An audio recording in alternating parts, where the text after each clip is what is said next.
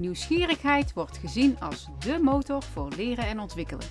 Maar wat kunnen en doen we er eigenlijk mee in onderwijs? Hoe zit en werkt nieuwsgierigheid in de mens? En hoe nieuwsgierig ben je zelf als onderwijsprofessional? Ga je op zoek of geloof je het wel? Luister naar Blijf Nieuwsgierig. Een podcastserie van Gilde Opleidingen vol vragen over nieuwsgierigheid. Mijn naam is Helene de Jonge, een mbo-docent in hart en nieren en een kritische, behoedzame onderwijsontwikkelaar. En mijn naam is Janske Kastelijns, eveneens bevlogen mbo-docent en onderwijsmaker.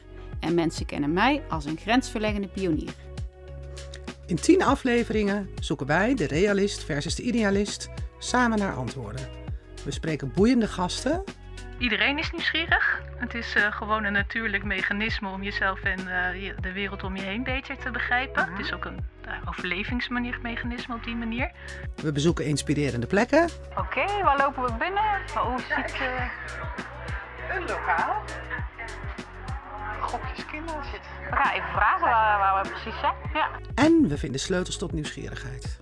dit is het thema en ga jij je route maar bepalen. En Ja. wat ik nu geleerd heb, is dat we dan toch die nieuwsgierigheid nog overslaan.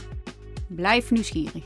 Vanaf 21 november te beluisteren in je favoriete podcast-app.